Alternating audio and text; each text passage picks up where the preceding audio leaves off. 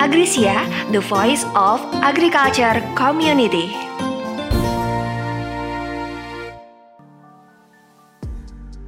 Hai hai sobat Agrisiana, jumpa lagi di sini di Agrisia Channel.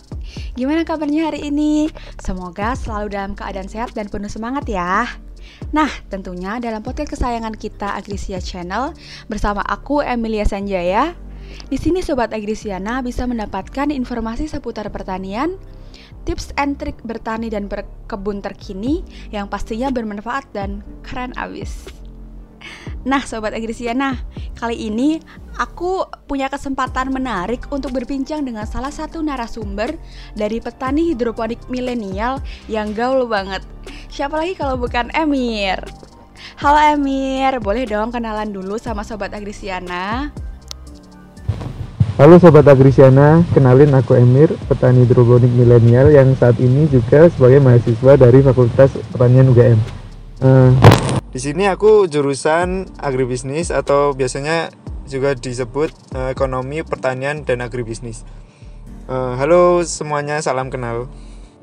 Wah, dari suaranya aja udah keren banget ya Sobat Agrisiana. Nah, ngomong-ngomong masalah keren, judul podcast kita kali ini nggak kalah keren loh, yaitu Tani Gaul Hidroponik Dukung Penyediaan Pangan Masa Pandemi. Wah, menarik banget gak sih? Nah, daripada penasaran, yuk langsung kita bahas bicara soal hidroponik, pastinya nih ya Sobat Agrisiana udah banyak yang paham dong. Nah, karena topik pertanian hidroponik kan saat ini sedang booming banget nih di kalangan petani muda. Apalagi di masa pandemi saat ini. Nah, kalau boleh tahu, apa sih pertanian hidroponik menurut sudut pandang seorang Emir yang menurut aku salah satu petani zaman now banget? Oke, jadi pertanian hidroponik itu uh, kayak pertanian yang tanpa menggunakan media tanam tanah. Jadi kita itu udah nggak perlu tanah lagi cuma butuh air. Jadi air air itu jadi media tanam utamanya gitu. Jadi nggak perlu ke lahan sawah nggak perlu lahan-lahan yang terlalu luas jadi bisa di balkon rumah di atap rumah atau di halaman rumah juga bisa nah ngomongin hidroponik apa sih bedanya tentang pertanian hidroponik dengan pertanian konvensional yang biasanya kita lakuin di lahan perkebunan atau di persawahan? Oke, uh, kalau perbedaannya sih tentu beda ya dari segi uh, penanamannya itu beda. Cuma ada persamaannya juga, misal kayak semai. Semai itu semua sama. Untuk benihnya juga konvensional dan hidroponik sama jadi yang perbedaannya cuma cara tanamnya jadi kalau misal hidroponik itu media tanamnya pakai rock wool namanya jadi setelah uh, semai biji biji yang udah uh, mulai pecah pecah biji yang udah mulai keluar tunasnya itu dipindah ke rock wool. Rock wool itu sejenis kayak spon gitu khusus buat hidroponik nah ntar setelah itu ditaruh di bawah terik matahari eh, sekitar empat hari lima hari terus baru dipindah ke med ke instalasi. Instalasi yang biasanya pakai pipa atau yang rakit apung. Jadi tinggal dipindah ke instalasi gitu. Kalau misal di konvensional kan enggak. Jadi dari awal udah langsung disebar di tanah gitu kan. Jadi kalau ini beda hidroponik. Jadi dipindah ke instalasi. Nah dari situ tuh sampai panen di instalasi.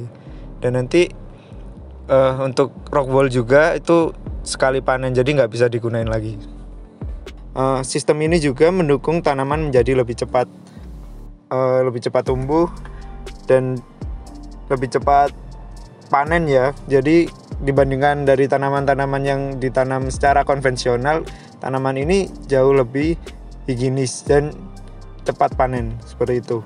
Nah, selain itu juga eh, hasil panennya juga banyak, jadi nggak perlu lahan yang luas tapi panennya banyak.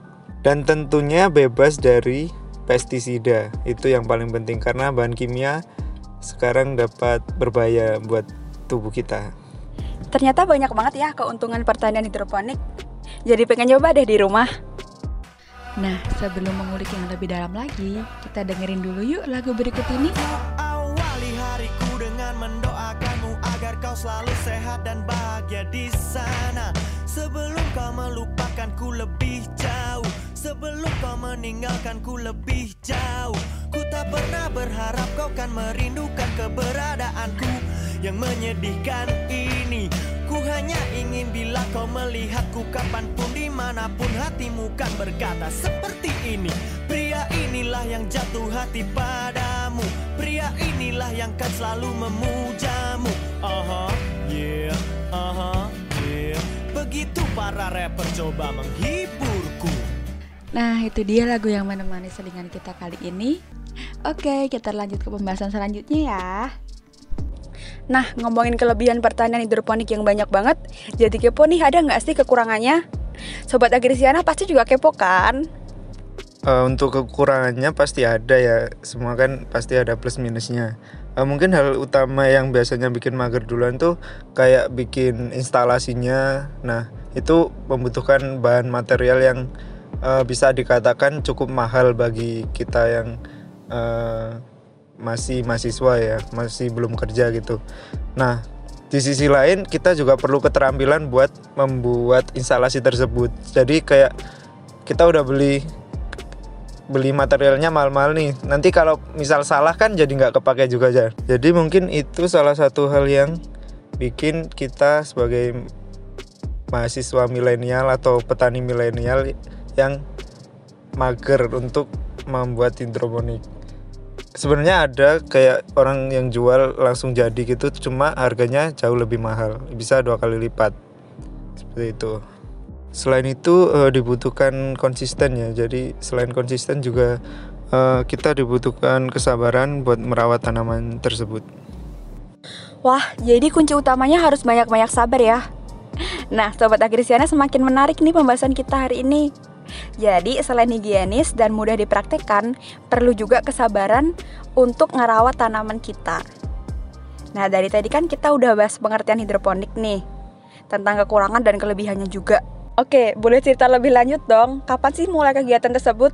Terus apa sih yang bikin Emir untuk terjun sebagai petani hidroponik selain kelebihan yang udah dijelasin tadi?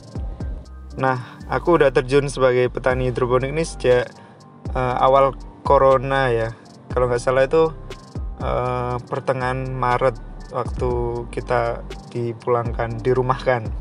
Nah dari situ aku kayak ngerasa nggak ada kerjaan kayak kuliah juga online. Jadi mengisi kesibukan aku uh, belajar belajar hidroponik awalnya dari YouTube. Uh, itu ter terinspirasi dari sebenarnya aku pengen hidroponik juga juga udah lama waktu semester 1 2 tapi nggak uh, sempet ya karena sibuk kuliah. Jadi waktu itu uh, aku manfaatin buat bikin hidroponik. Dan kalau ditanya kenapa alasan tertarik terjun ke pertanian hidroponik tuh ya alasannya karena aku melihat prospek hidroponik ke depannya itu juga bagus. Karena 10-15 tahun ke depan bakal ada penyempitan lahan pertanian yang dialihfungsikan jadi aku mikirnya ini cocok buat ke depannya bisa bertani di rumah seperti itu wah inspiratif banget ya sobat Nah, jadi di masa pandemi saat ini, pertanian dengan sistem hidroponik bisa banget ya diterapkan. Iya, benar banget Emil. Buat sobat milenial semuanya, bisa banget praktekin langsung di rumah. Kalau bicara soal prospek ya tentunya cukup menjanjikan ya. Jadi, uh, jangan muluk-muluk dulu, jangan langsung bikin yang besar, tapi kecil-kecil dulu, minimal buat konsumsi keluarga. Wah, menggiurkan banget ya sobat. Terakhir nih buat pendengar di rumah, ada nggak sih pesan dari Emir buat sobat agrisiana di rumah yang mungkin mulai saat ini berniat untuk berhidroponik? Oke, untuk saran buat uh, sobat-sobat agrisiana di rumah yang ingin berhidroponik, saran dari aku uh, kuncinya harus tetap semangat, konsisten, dan terus belajar. Belajar nggak harus dari buku bisa sekarang kan udah banyak YouTube yang uh, pembelajaran tentang hidroponik dan bisa tanya-tanya ke uh, kayak pemeran hidroponik di kota-kota kalian masing-masing. Ya intinya tetap semangat berdoa jaga mood. Wah, saking serunya kita ngobrol Gak kerasa nih waktu kita untuk menggali lebih dalam tentang pertanian hidroponik bersama Emir sudah habis. Gimana nih Sobat Agrisiana? Sudah paham kan mengenai apa itu pertanian hidroponik? Dan yang pasti para pendengar bisa tahu pengalaman inspiratif dari narasumber kita yang keren abis. Jadi, buat Sobat Agrisiana di rumah, di masa pandemi saat ini kita bisa melakukan kegiatan yang lebih bermanfaat Nah, salah satunya dengan bercocok tanam menggunakan sistem hidroponik. Selain kegiatan seru dan menyenangkan ini, kita juga bisa nih memenuhi kebutuhan pangan keluarga tentunya di masa pandemi yang pastinya bisa lebih sehat dan hemat. Jadi, tunggu apa lagi?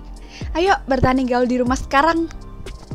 Terima kasih untuk narasumber kita Emir Zan Rafis yang sudah meluangkan waktunya dan memberikan wawasan tentang pertanian hidroponik kepada sobat agrisiana sekalian.